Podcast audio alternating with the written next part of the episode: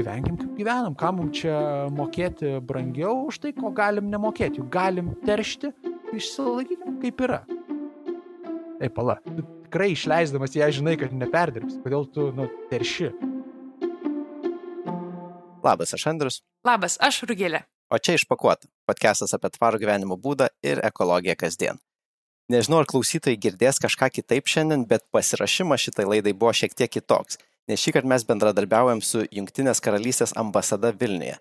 Todėl, kad šiemet Junktinė karalystė kartu su Italija lapkričio 1-12 dienomis Glasgė organizuoja Junktinių tautų klimato kaitos konferenciją COP26. Ir Ši konferencija yra svarbi dėl to, kad jos metu visų pasaulio šalių lyderiai ieškos sprendimų kovoje su klimato kaita. Ir tam buvo šiemet išskirti penki pagrindiniai prioritetai. Tai dabar trumpai juos ir pasakysiu. Tai yra pristaikymas ir atsparumas, gamta, energetikos pertvarka, spartesnis judėjimas prie netaršaus kelių transporto ir finansai.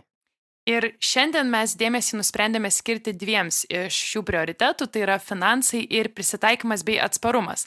Būtent todėl pasirinkome temą žiedinė ekonomika. Šis terminas, nors girdimas ganėtinai dažnai aplinkosauginėme diskurse, daugeliui sukelia daug klausimų. Todėl pasikvietėme žmogų, kuris mūsų nuomonė be negeriausiai Lietuvoje gali atsakyti į klausimą, kas tai yra.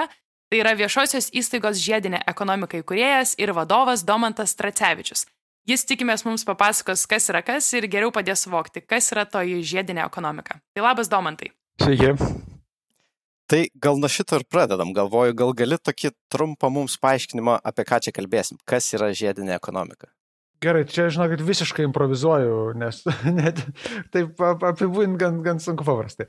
Um, gerai, tai žiedinė ekonomika, manyčiau, yra nesibaigiantis medžiagų, ne, nesibaigianti medžiagų kelionė, kuri visą laiką išlieka naudojami. Tada jinai tęsiasi jeigu jinai nebenaudojama, sudeginama, kažkur paslepiama arba savartinė, arba šiaip daiktas nėra naudojamas, tai jinai nu, nutrūksta. Mhm.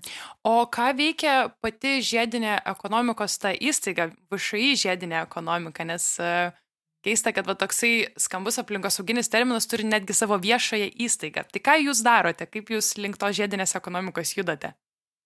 Uh, šiek tiek pagudravau su pavadinimu. Uh, E, tam, kad e, kai kažkas įveda į Google žiedinę ekonomiką, tai mes esame vienas iš tų, kurie pirmieji pasirodo. O šiaip pagrindinė veikla tai yra advokacija, e, būtent politinių sprendimų, kad įstatyminė bazė taptų tokia, kuris skatintų žmonių, verslų elgseną nu, ir transformuotų tą ekonomiką į žiedinę pagrindė per įstatymus. Čia yra tokia, toks numeris vienas būtent ties tuo dirbti. Mhm.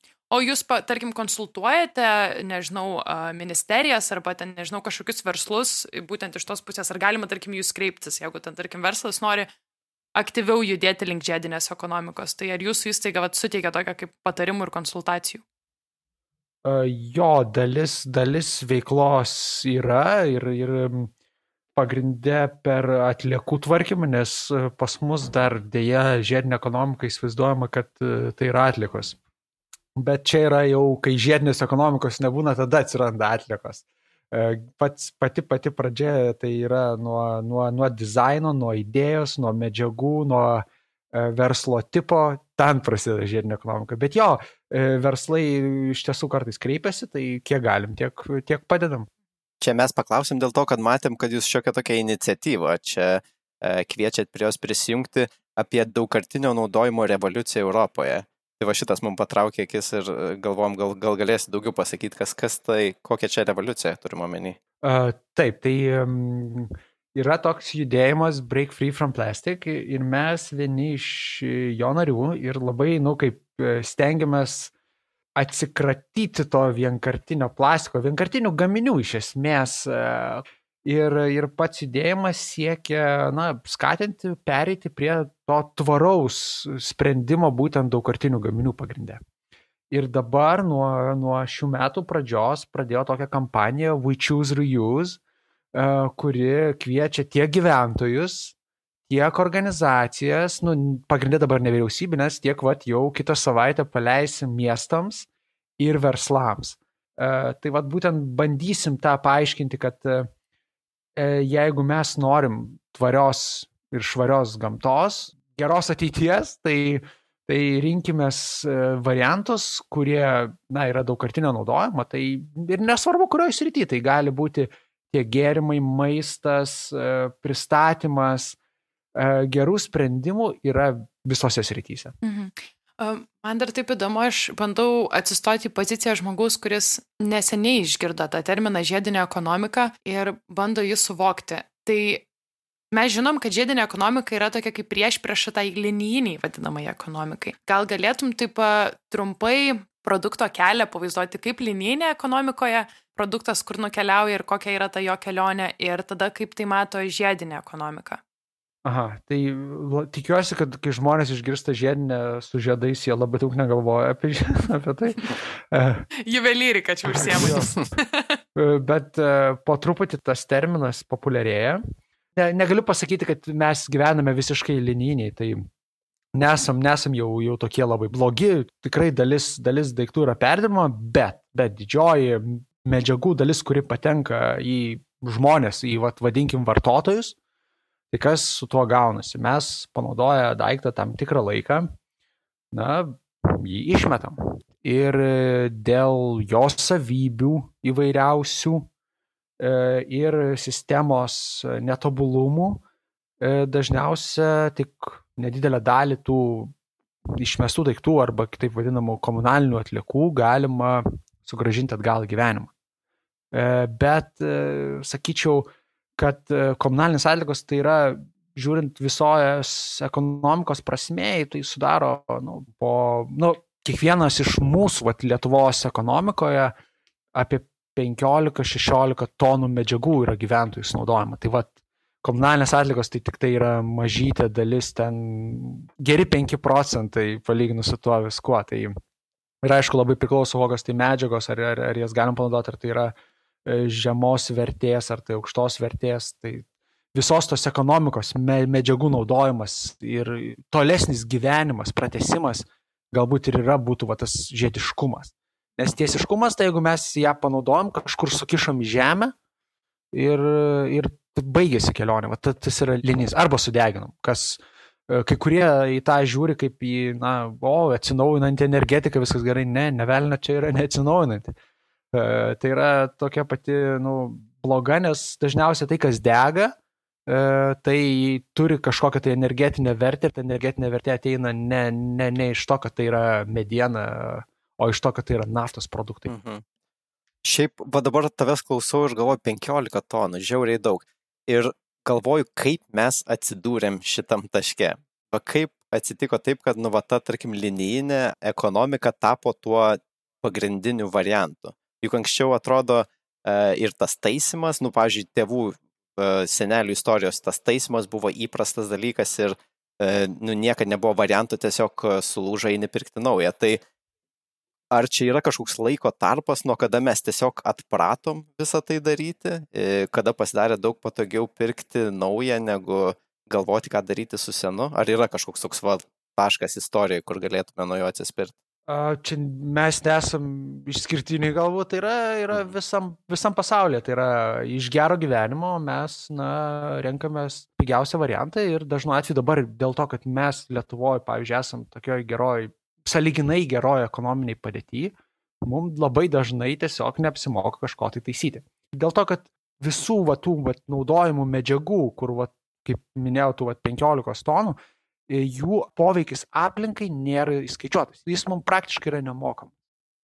Va dėl to viskas yra pigu. Bet jeigu kiekvienas kilogramas uh, turėtų savo poveikio aplinkai vertinimą, jau jisai kainuotų visiškai kitaip. Ok. Tai mes taip kaip galim įkainoti iš esmės medžiagas pagal tai, kurios yra labiau taršios ir kurios yra mažiau taršios Ir, ir automatiškai ta, kuri yra mažiau tarši, jos kaina yra galbūt netgi dėkingesnė, taip skatinant naujų projektų kūrime rinktis tas tokias tvaresnės medžiagas. Ar aš teisingai suprantu? Taip, absoliučiai. Aplinkosauginiai mokesčiai Lietuvoje iš tiesų yra labai maži. Ir ko nėra, ir dėl kur jau juda visas, nu vadinkim, toks pažangusis pasaulis, tai yra uh, CO2 mokestis. Ir kas mane labai žavi, tai vad Vokietijoje nuo sausio pirmos jisai atsirado. Ir iš esmės tai nėra, kad jisai visiškai viską paspręstų, bet jisai turi labai gerą e, postumį veikloms, kurios naudoja iškastinius kūrus. Tai yra jos visos pasidaro brangesnės. Lietuvoje spaudimas aplinkosauginis iš tiesų yra, bet jis dar nėra toks stiprus. Aš tikiuosi, tikiuosi, kad e, pavyktų per kelis metus, na, bandyti jį padidinti tą suvokimą visuomenės ir galbūt pabandyti tą spaudimą politikam, kad galbūt pajudėtų. Nes lietuviai moka taupyti ir, ir, ir tas labai gerai pasireiškia per depozito sistemą. Čia nėra, kad e, lietuviai staiga susirūpino aplinkosaugą ir va, neša perdirbti. Perdirbti jie galėjo nešti ir seniau bet dabar jau iš jų paimdavo tą depozitą. Ir jie norėdavo, nori jį susigražinti ir tai yra logiška, tai yra, nu, teisinga. Taip. Tu labai uh, smagu, kad paminėjai depozitą, mes kaip tik norėjom paklausti tos tokius jau įsigalėjusius veiksmingus sprendimus uh, žiedinės ekonomikos Lietuvoje. Ir vieną kaip iš pavyzdžių turime depozitą, bet uh, tarkime, dėkui stotelės, daiktų atidavimo stotelės arba netgi Mūsų pirmasis unicornas įmonė Vinted, kuri, kur galima parduoti savo padėvėtus drabužius. Um, galbūt galėtum, galėtum įvardinti arba papasakoti plačiau apie tas pačias dėkui stoteles, apie tokius jau egzistuojančius uh, veiksmingus sprendimus. Mhm. Tai Vinted tai tikrai man sukelia žavesi, nes tekstilė irgi yra iš tų sričių, Lietuva nėra, vadinkim, ta tekstilės monstras, kur uh, būtų labai labai daug naujos tekstilės parduodama, nes lietuviai pakankamai dar regionuose gyvena dėja vargingai ir ten naudota tekstilė turi savo didelę, didelę nišą ir, ir jos daug parduodama. Galbūt dėl to ir, ir, ir atsirado žmonės suprantantis Lietuvoje tą, tą rinkos galimybę. O pačios stotelės dėkui tai atsirado prieš e, gerų pusantrų metų, vasarą. Pirma atsidarė Vilniui, Pumpėnuose, Pumpėnų gatvėje 10 E, tada jau jos pradėjo plisti ir Vilniui netgi veikia, trys turbūt galima sakyti veikia, aš nežinau, ar nau, naują Vilnių galima jau. Jeigu naują Vilnių priskaičiuojam, tai keturios. Pat tas ir buvo, kad jos atrodo, atsirado visai nesiniai, bet tiek daug dėmesio susilaukia. Ar, ar iš tikrųjų čia tik taip atrodo? Nu, iš tikrųjų, žinokit, galiu pasakyti, kad jeigu aš dabar nesuklysiu su skaičiais, tai kokių 15 tūkstančių daiktų buvo išdalinta. Čia Aha. tie, kurie, kuriuos mes skaičiuojam. O tie visokie mažiukai kaip knygos, e, podeliai, visokie e, žaislai, jų net, jų net nefotografuojam, jie tiesiog yra ir ne, neribojam. Jeigu matom, kad e, yra kažkokia didelė šeima, jom reikia žaislų pirmin. Jeigu yra žmonės, kurie nori skaityti ir matom, tai jie tegu tik tai ima tas knygas tas, tas, tas, tas veža. Tai ir tikrai tų daiktų išdalinama, labai džiugu, kad žmonės kai kurie tiesiog tikrai atneša ir net jiem nieko, nieko nereikia, ta prasme, pasidžiaugia, kad gali suteikti daiktam antrą gyvenimą. Šiaip aš irgi labai džiaugiuosi dėkui stotelėmis ir tiems, kurie irgi girdi pirmą kartą, tai dėkui stotelių, tos kaip ir paminėjai, e, didesnius daiktus nufotografuotus galima rasti internete ir užsisakyti ir ateiti, atvykti ir nemokamai pasimti. Ir pačiai teko lankytis toje stotelėje, tai galima rasti ir fotelių, ir muzikos centrų, ir drabužių, ir knygų, ir podelių. Ir absoliučiai realiai įsirengti būtą iš kitų žmonių atiduotų labai kokybiškų ir netgi labai gražių daiktų. Tai aš tikrai manau, kad tai yra labai labai fantastiškas pavyzdys, labai džiaugiuosi, kad jos yra. Ai, ir dar, Varugilė, tu man čia pametėjai idėją pasidalinimui. E, kai kurie žmonės mėgsta reno, e, renovuoti, restauruoti senus baldus, tai dėkui stotelės yra kaip lobynas ten visiškas. Taip. Mano draugė ten jau irgi nusibando nusižiūrėti staliuką, kurį galėtų perdažyti ir tenai atrodo, žmonės kartais net nesupranta, ką atiduoda, jeigu tik pažiūri juos į galimybę tuos baldus. Tai jo. taip, taip, ten net ir vaikų vežimėlių, tokių dalykų, kur atrodo ganėtinai brangus, tai, tai man atrodo, tai yra na, fantastiškas dalykas. Taip. E, teisingai paminėjai vaikų vežimėlį, tai vaikų prekių ir gerų ten ypatingai daug. Ir e, manau, nereikia baidytis, kad e, tos tie dalykai yra, jau buvo naudoti, bet tikrai labai kokybiški. Ir mes dabar nemažai kalbam apie va, tuos daiktų mainus. Bet e, kiek aš va dabar domėjausi šitai laidai, tai dar vienas labai svarbus žiedinės ekonomikos elementas yra nebuvimas savininkų to daikto. Tai nu, čia gal tas iliustruojantis pavyzdys, koks būtų car sharingas, pavyzdžiui, tie CTB sparkai, kur tu trumpam arba ilgesniam laikui pasiemi daiktą ir už jį tarsi e, moki nuomos mokestį. Tai ar čia irgi yra toks žiedinės ekonomikos vienas iš tokių kertinių dalykų, ar, ar čia toks tiesiog toks vienas iš mažų dalykų? Gal gali pakomentuoti? Manau, kad vienas iš svarbių labai dalykų, nes kaip analogą, galbūt aš pasakyčiau taip, mes visi valstybei nu, naudojamės, pavyzdžiui, miesto keliais. Tai yra tas pats. Iš esmės, nes mums kiekvienam nustiesti savo kelią būtų nesąmonė, bet va, savivaldybė nutėsi kelią ir mes visi jo naudojame. Tai patys pirmieji dalykai, kurie dalinimuisi, yra tie brangus. Tai yra tokie kaip e, lėktuvo biletas. Nu, nes nepirksim mes kiekvieną savo lėktuvą. Autobuso biletas, kai reikia kelionį, irgi. Ir taip vis žemėja. Atsiranda būtent, nu, būstų nuoma, atsiranda, vat, e, automobilių, va dabar, va, ta trumpalaikė nuoma dalymasis. Ir man ypatingai patinka Sparkas, nes jie yra varomi elektra, čia yra didelis, didelis pliusas. Taip, taip, aš visiškas a. fanas, kiekvieną laidą pasakau. a, toliau a, eina į kitus, tai įrankius, nes, nu, turėti tą graštą, nu, kurį panaudojamas jisai vieną ar du kartus per metus, penkias minutės, tai, nu, yra beprotybė. Tai geriau jį ten išsinuomoti už tos 10 eurų už vieną dieną ir, ir panaud, nu, kelis kartus panaudoti. Tai e, toliau, kuo toliau, tai tuo mes matom, e, kad tų, tų daiktų vertė, kurie va, tampa, kuriais dalinamasi, jis sumažėja. Tai reiškia, kad mum reikia turėti mažiau daiktų ir tų, tų daiktų, kai yra mažiau, jų naudojimas yra intensyvesnis. Tai iš esmės reikia daug mažiau žaliavų ir mes naudojam jas intensyviau. O čia kažkaip mes vis taip einam aplinkui, kalbėdami apie atliekas. Uh, man įdomu pati rušiavimo sistema Lietuvoje. Na, aš kaip suprantu, tai yra labai svarbus žiedinės ekonomikos elementas. Tai yra sėkminga atliekų tvarkymo sistema. Nes vis tiek tų atliekų liks neišvengiamai ir su jomis susidoroti tvarkingai paliekant kuo mažesnį šleifą yra labai svarbu. Kaip tau atrodo dabartinė Lietuvos rušiavimo sistema? Kur, kur joje yra didžiausios spragos, ką mums reikėtų spręsti? Na, pavyzdžiui, tas mišrusis plastikas, kurio mes net negalim perdirbti ir jis automatiškai jau keliauja į savartynus ar yra sudeginamas. Tai kur mes turėtume labiausiai tobulėti tam, toje rušiavimo sistemoje? Oi, čia galima labai daug pasakoti ir, ir dabar mes matom, kad su, su pakuotėm yra tikrai problemų ir Vilniui, ir, ir Vilniaus įvaldybė tą kelią. Yra tikrai nesusišnekėjimas tarp pakuočių tvarkymo organizacijų, e, tarp atliekų tvarkytojų, tarp savivaldybių. Na, pas mus ir šiaip savivaldybės, vadinkim, nenori tapti zero waste. Nėra tokių, kurios muštųsi į krūtinę, nes tai, tai, tai tiesiog yra daugybė faktorių. Iš, nėra, nėra vienos pasakyti, kad kažką reikia pakeisti, reikia labai daug ką pakeisti. Jeigu žiūrėtume tik į pakuotės, kurios dabar vat, yra tas skaudumėlis. Tai aš pasidžiaugsiu, kad e, pernai buvo priimti tam tikri įstatymai, kurie diferencijuoja perdirbamo ir neperdirbamo pakuotės e, mokestį, būtent taršą pakuotę. E, tai yra toks rimtas žingsnis į priekį ir, kaip čia sakyti, mačiau veidą iš vieno iš pakuočių organizacijos vadovų, kuris paklausė, tai reikės vat, na, jeigu išleidi į rinką neperdirbamą, tai iš karto didžiausią tarifą mokėti, ta prasme, jokių šitą.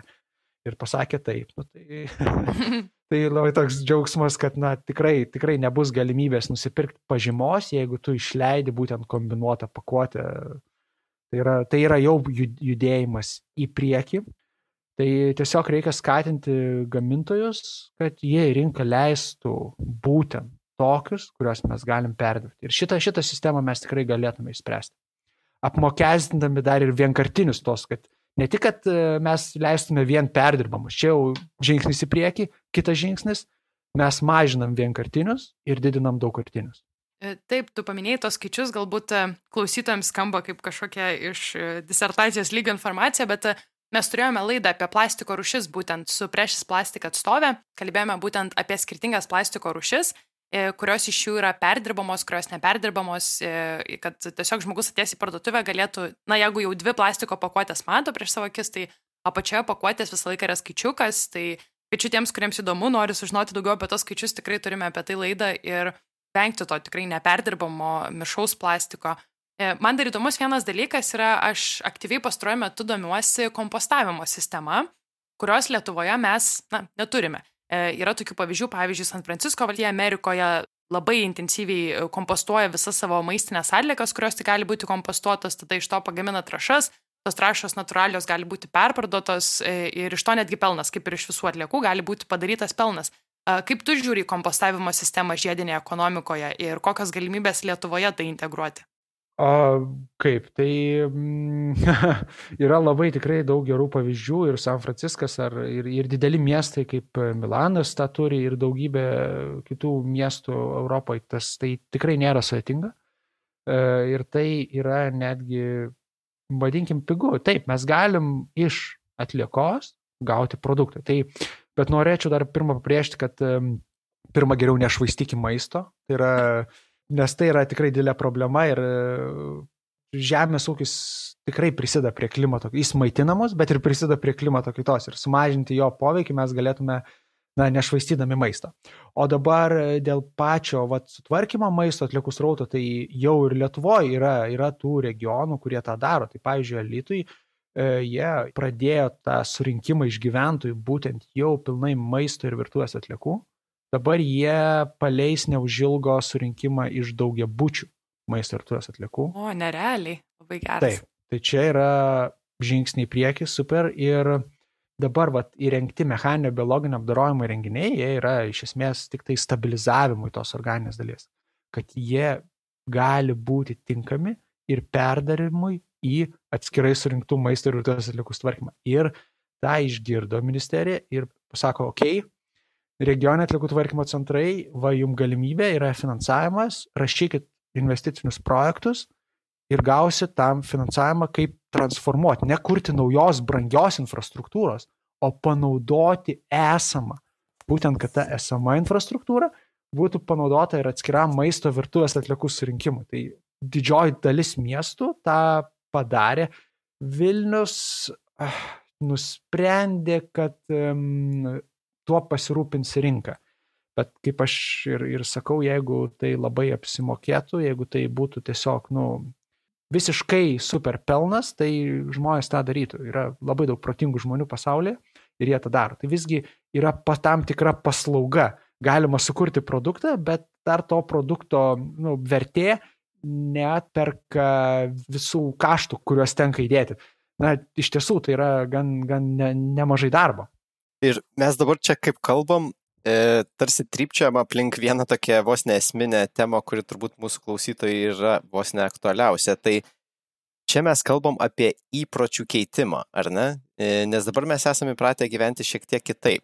Tai kaip turėtų keistis tie mūsų kasdienybės įpročiai, kad mes e, kaip ir patys vartotojai galėtume primti tą žiedinę ekonomiką ir galbūt net kažką daugiau iš jos gauti.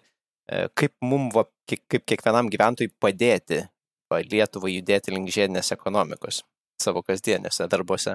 E, sakyčiau, kad netgi tos pačios apklausos rodo, kad lietuviai galbūt ne 90 procentų, kaip tą daro vakarų europiečiai, kur nu, rūpi jam aplinkosauga, bet 80 procentų tai, tai rūpi.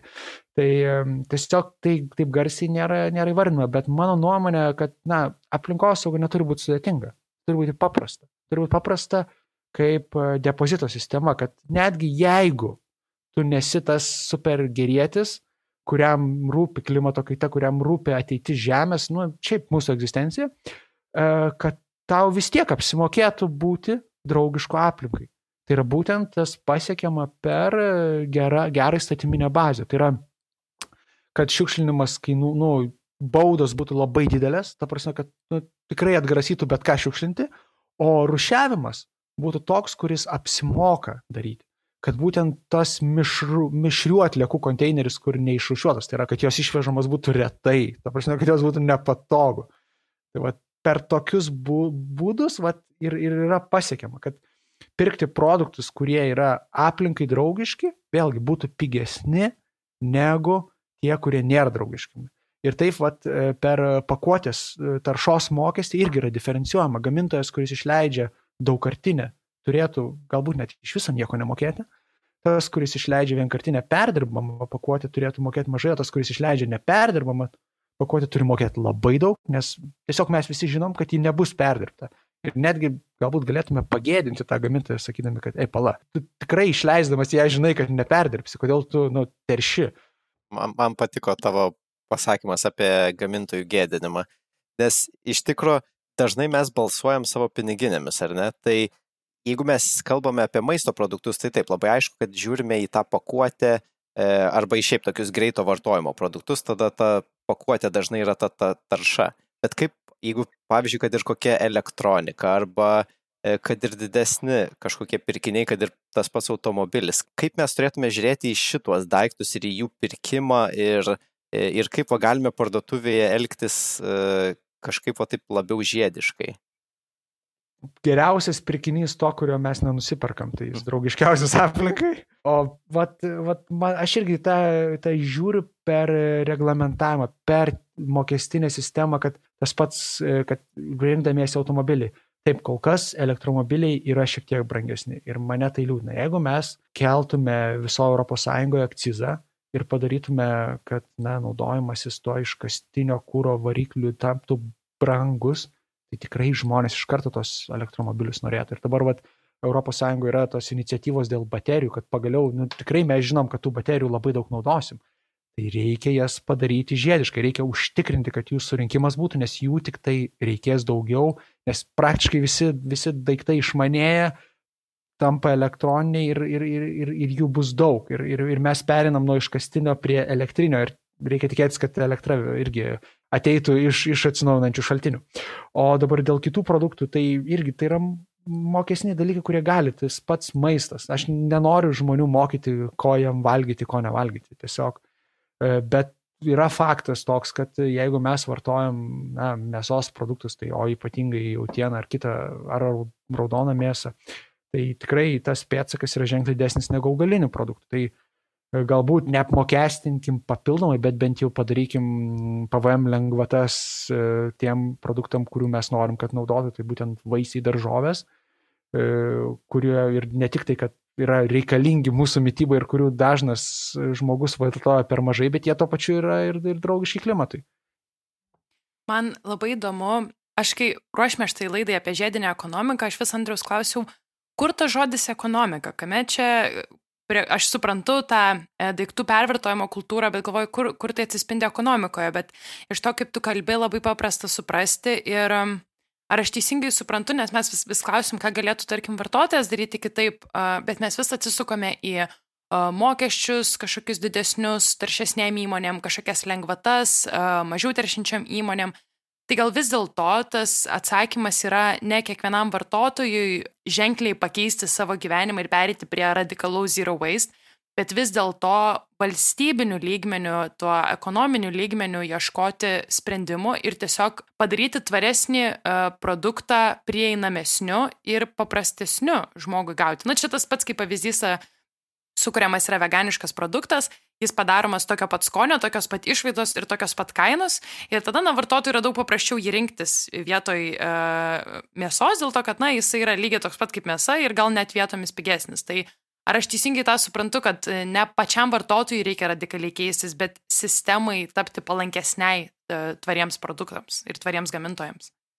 Absoliučiai taip. Tai Galima įdėti labai ilgus metus į visuomenės apmokymą, kas yra gerai, kas yra blogai, ir, e, bet e, netgi žiūrint e, tas vakarų visuomenės, kurios tikrai jau su ta ekologija yra susipažinę, ten yra labai daug, netgi Skandinavija atrodo jo labai draugiški gamtai, bet jie tiek daug išmeta. Nesvarbu, kad rušiuoja, bet jie turi labai didelius kiekius šiukšlių. Nu, tai, tai reiškia, kad švietimas nėra išeitis nes nėra nei viena valstybė, kuri va, turėtų mažai atliekų. Yra valstybės, kurios yra labai puikiai tvarkosi su atliekom, bet vis tiek jos turi daug atliekų, todėl vis tiek vartojimas juda. O jeigu mes nu, norim, kad e, tas toks taptų draugiškesnis aplinkai, tai jo, tai sistema. Sistema turi privesti. Tai, tai aš vėl grįžtu prie to depozito, kur, kur, kur minėjau, kad tai yra tas mokestinis dalykas. Jis padaro buvimą ekologišku, apsimokančiu. Tai vad, sistema, kai jinai įskaičiuoja e, mūsų orą, taršą orą, taršą vandeniui, poveikį klimatui, kai tai tampa pinigais, realiai atsispindinčiais produkte, o neįmam, kad mes galim daryti, ką norim su oru, ką norim su gamta, daryti neigiamą poveikį klimatui, va tada ir aplinkai draugiški produktai konkuruoja ir laimi. Ir netgi, vadinkim, būdamas, nežinau, koks beširdis, nemylintis gamtos, tu vis tiek nenorėsi mokėti brangiau už daiktą, kuris teršia gamtą. Papalėtėm, kad valstybės turi galbūt prisidėti prie šito nuomonės formavimo ir įpročių, bet tarkim, Lietuva prisiemo ambicingą tikslą tokį ambicingą, kad e, atrodo, kad gal galim jo net nespėt. Ar nebus tai kažkoks toks neigiamas signalas verslui, ar, ar nepradės verslas kažkaip žiūrėti į Lietuvą, kad čia gali būti nepalanku, o gal priešingai, gal kaip tik matys taip kaip, galimybė. Tai kaip, kaip tu matai tą verslo požiūrį į perėjimą prie žiedinės ekonomikos? E, kiek man va, tenka būti renginiuose, laik sakau, taigi visiems sąlygos būna vienodos. Nėra, kad uh, kažkieno kito produktas bus kažkoks kitoks. Tai sukūriamos taisyklės visiems vienodos ir jeigu tu jų laikaisi, niekas neto, dėl to negauna kažkokio tai privalumo. Na, nu, aišku, jeigu tu terši daugiau, tai tu moki daugiau, bet tai, tai nereiškia, kad tu negali parduoti savo produkto kažkur kitur ir, ir, ir galios kitos vietos taisyklės. Tai, Ir, ir aišku, tie pakeitimai, man ne, ne, nesakau agresyviai, kad viskas viską pakeiskim. Ne, viskas yra racionaliu laiko tarpu, ten per, per, per keletą metų pasakoma, vat, kad pasikeis ir, ir, ir visi turi pasiruošti, nes verslas yra tikrai iš tiesų e, labai daug Lietuvoje protingų žmonių, versle protingų ir, ir, ir kurie sugeba sukurti nuostabius verslus. E, žmogaus kūrybai ribų nėra. Jam tiesiog svarbu žinoti taisyklės, kokios laukia už, už, už metų ar už dviejų ir bet koks verslas prisitaikys, nes jisai Nes nu, mums reikia tokio verslo, kuris gali kurti, gali sukurti geriausius produktus, o ne tokio, kuris gali kurti tik taršius. Mhm. Mes e, laidos pradžioje paminėjome tą viršūnių susitikimą COP Glasgė ir uh, Vienas iš prioritetų jų išskirtų yra žaliosios investicijos ir tvarios ekonomikos vystimas. Ir mums pasidarė įdomu, tai ar turime pasaulyje valstybę lyderę, kurios pavyzdžių galėtų sekti ir Lietuva, būtent vystant tas žaliasias investicijas ir vystant e, tą pačią žiedinę ekonomiką. Galbūt tavo galvoje kažkoks, kažkuri viena valstybė galėtų su kitais pasidalinti savo patarimais, kaip tau atrodo? į investicijas Danija man, man patinka šiuo atveju, kad jie vat, turi tokį fondą, kuris, na, yra visokius žalius verslus pasirengęs remti. Olandija irgi e, turi tikrai sukaupę didelį kapitalą, kapšą, kurį yra pasiruošę investuoti į vairias naujas idėjas, kurios būtent kovoja, nu, yra arba labai clean tech vadinamos, arba uh, būtent tokios revoliucinės, kur dar tikrai nemažai rizikos, kur, kur ne kiekvienas netgi venture capital investuotų. Tai va tokie, tokie dalykai. Bet aš vėlgi čia žiūriu, kad per reglamentavimą, kurį pasakymą, kad va žiūrėkit, mes atsisakysim arba jeigu grįžkim, kur e, minėjau, mėsa kainuos, vat, mes ją apmokestinsim, tai laboratorijos pradėtų veikti ir nu, joms, jos sulauktų daug daugiau investicijų, negu bet kokia valstybinė, valstybinė inovacijų agentūra galėtų pritraukti. Tai būtent pati rinka yra pats stipriausias e, mechanizmas, kuris gali Kai jis tik tai žino, kad kažkokie bus pakeitimai, tai jis tą ir įgyvendina. E, kaip ir su reguliuojama es išmetimų sistema. Ten netgi greičiau negu planuojama mažėja išmetimai. Tai, nu... Mhm. nu čia šitą jau šiek tiek palėtėm visoji kalboj, bet gal galima tiesiog įvardinti, nu, kas yra tie pagrindiniai stabdžiai, kurie trukdo va Lietuvai ir, nu, va, galbūt ir visai Europos Sąjungoje, net pasauliu pereiti prie žiedinės ekonomikos. Mes per mažai matome savartynų, jie yra toli, mes nu, praktiškai jų, jų nematome ir atrodo, kad vartoji išmetį, ai kas čia tokio, tai nu, kažkur nukeliaus. Nematome, kiek prisikaupia iš tų pačių sudegintų pelenų kalnai. Tai yra tiesiog patenka ne į komunalinių atlikų statistiką, o patenka į kitą statistiką, bet atsigula į tą patį savartyną. Tai man šitas žaidimas skaičiais net kartais jokingas atrodo, kai sako, kad E, mes deginam, tai nukreipiam iš, nuo, nuo, nuo, nuo savartino. e, nematome, kiek išteklių reikalauja, kokie yra karjerai. Pas mus vat, Lietuva yra neturtinga ištekliais, ten vat, šiek tiek smeliuko yra dolomitų, o ten yra šalis, kuriuose nu, yra tos kasyklos, kur yra krateriai, nu, dešimtim kilometrų atsiranda, kur žemė pasikeičia. Tai, tai va to mūsų nematymas, mūsų nematymas uh, būtent e, ta pati tarša pas mus, va, saliginai yra švarus oras, bet jeigu mes pažiūrėtume, koks yra Indijoje, jis yra užterštas, jis yra žmonės ten negali kvepuoti, tai yra jų gyvenimo trukmė labai reikšmingai sutrumpėja ir kokybė gyvenimo dėl to, kad jie nuolat serga. Tai užterštas vanduo, reikia džiaugtis, kad Lietuva turi saliginai švarų, o ne, o neturi porcijom dalinti ar, ar pirkti tik tai buteliukose vandenį. Tai Tai yra viso to turto, kurio mes lyg ir ne, ne, nevertiname, priimame kaip, kaip duotybę, bet vertinimas, bet jeigu mes galėtume jį vertinti labiau, kad tai ne, nesitęsam žinai, kad vat, klimato kaita pradės naikinti e, tą visą mūsų turtą, kurį mes turim, tai vat, nesugebėjimas to įvertinti ir, ir veda prie to, kad nu, mes kaip ir nematom to pokyčio, lyg ir viskas gerai, ir gyvenkim kaip gyvenam. Kam mums čia mokėti brangiau už tai, ko galim nemokėti. Juk galim teršti, išsilaikykim kaip yra. Aha, o mes čia taip kalbam e, ir taip svarstom, ar reiktų pereiti prie žiedinės ekonomikos ar ne, bet ar iš tikrųjų čia yra pasirinkimas, ar čia tiesiog e, galiausiai turėsim tai daryti ir kas, val, nu jau truputį užsiminė, kas laukia, jeigu nedarysim to, kas laukia, jeigu tęsim taip, kaip tęsim kokios pasiekmes to gali būti. Jeigu, jeigu žiūrėsim, visi gyvenam toliau, na, tai kaip mes turėsim užterštą gamtą. Galbūt e, žmonių savimonė didėja, tai mažiau Lietuvoje bus užteršta, bet kiti vandeninai turės tiesiog nu, daugybę plastiko, tai, tai čia yra vat, problema. Toliau yra vat, oro tarša, klimato kaita. Tai jeigu gyvensim toliau, tai didžiausias dalykas, tai yra netgi ne klimato kaita, mes turim klimato krizę, tai jinai smoks mums per e, karščio bangas, e, per tam tikrus nu, ekonominės perturbacijas, kad turėsim migrantų ir, ir, ir ne tik tai, kad keliauja iš Sirijos, kur viena iš priežasčių konflikto būtent yra ta, kad žmonė, žmonių derlius žuvo kelis metus iš eilės ir jie neturėjo ko valgyti ir tiesiog sukilo. Tai mes turėsim migrantų iš kitų Europos šalių, kur bus neįmanoma gyventi, kur dalinai dar pakils e, jūros lygis, tai nu, labai yra neblogi žemėlapiai, pavaizduojantis, kaip klaipėdos dalis atsiduria po vandeniu. Tai iš esmės mes išgyventume nesikeisdami, bet tas gyvenimas taps labai nemielas. Tai čia toksai pabaigai gal ir nuskambėjo šiurpiai, bet uh, turbūt aiški motivacija, kodėl yra kalbama apie tą žiedinę ekonomiką, kodėl tokie didžiuliai pokyčiai yra planuojami ne tik na, atliekų tvarkymo sistemoje, bet ir mokesčių sistemoje. Ir, ir manau, ta motivacija kaip ir, kaip ir aiški. Tai nežinau, man šiek, tikrai šiek tiek paaiškėjo, kas yra to žiedinė ekonomika, o tiems, kuriems uh, vis dar kyla klausimų, tai tikrai rekomenduoju apsilankyti VŠI žiedinę ekonomiką puslapyje ir, ir pasidomėti. E, o pradėti savo kelią galima labai sėkmingai, man atrodo, nuo dėkui stotelių. Labai geras būdas, o tie, kurie jau sėkmingai gražina savo butelius depozito sistemoje, atsakingai rušiuoja, renkasi mažiau atliekų, manau, jau po truputį iš savo pusės žygiuoja į, į tą pusę tikiuosi, kad ateitis bus kuo labiau žiedinė. Aš irgi ačiū. Taip, ačiū tau, Domantai, kad prisijungi ir labai tikrai informatyviai papasakai. Dabar, man atrodo, jau galėsim nukreipinėti žmonės, kai gausim šitą klausimą dar kartą, galėsim pagaliau pasakyti, ką tai reiškia. tai ačiū tau labai, Domantai, už labai įdomų pokalbį. Ačiū. Dėkui, buvo smagu.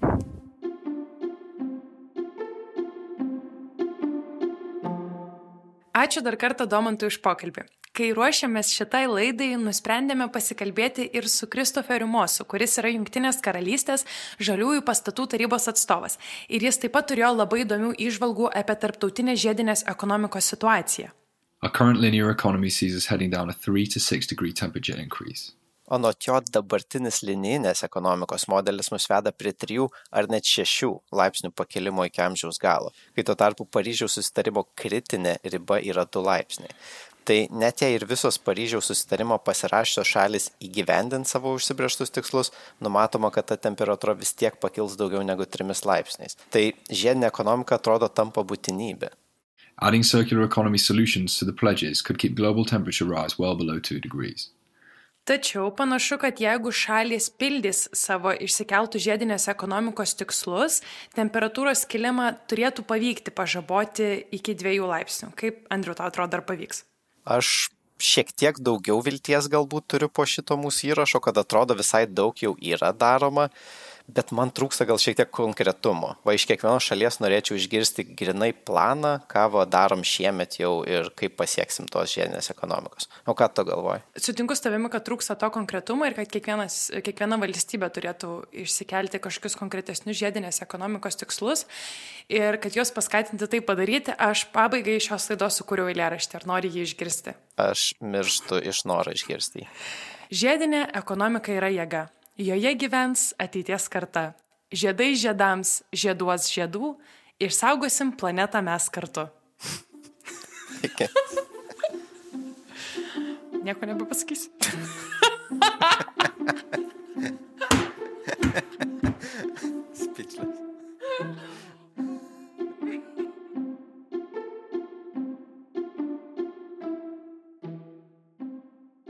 Ši laida buvo sukurta bendradarbiaujant su Junktinės karalystės ambasada Vilniuje. Junktinė karalystė kartu su Italija šiemet lapkričio 1-12 dienomis Glasge organizuoja Junktinių tautų konferenciją COP26, kurios metu šalių lyderiai bandys spręsti klimato kaitos iškeltas problemas. Ačiū tau, kad rūpinėsi klimato kaita. Jeigu tau patinka išpakuota ir nori prisidėti prie mūsų projekto, tai gali padaryti patreon.com pasvirasis brūkšnelis išpakuota. Ir kaip visada, didžiulis ačiū tiems, kurių neišgirstate išpakuotoje, tačiau jie prisideda prie mūsų laidos kūrimo. Tai mūsų iliustratorė Renata Krasovskaja bei garso režisierius Pranciškus Bražiūnas. Ačiū jiems.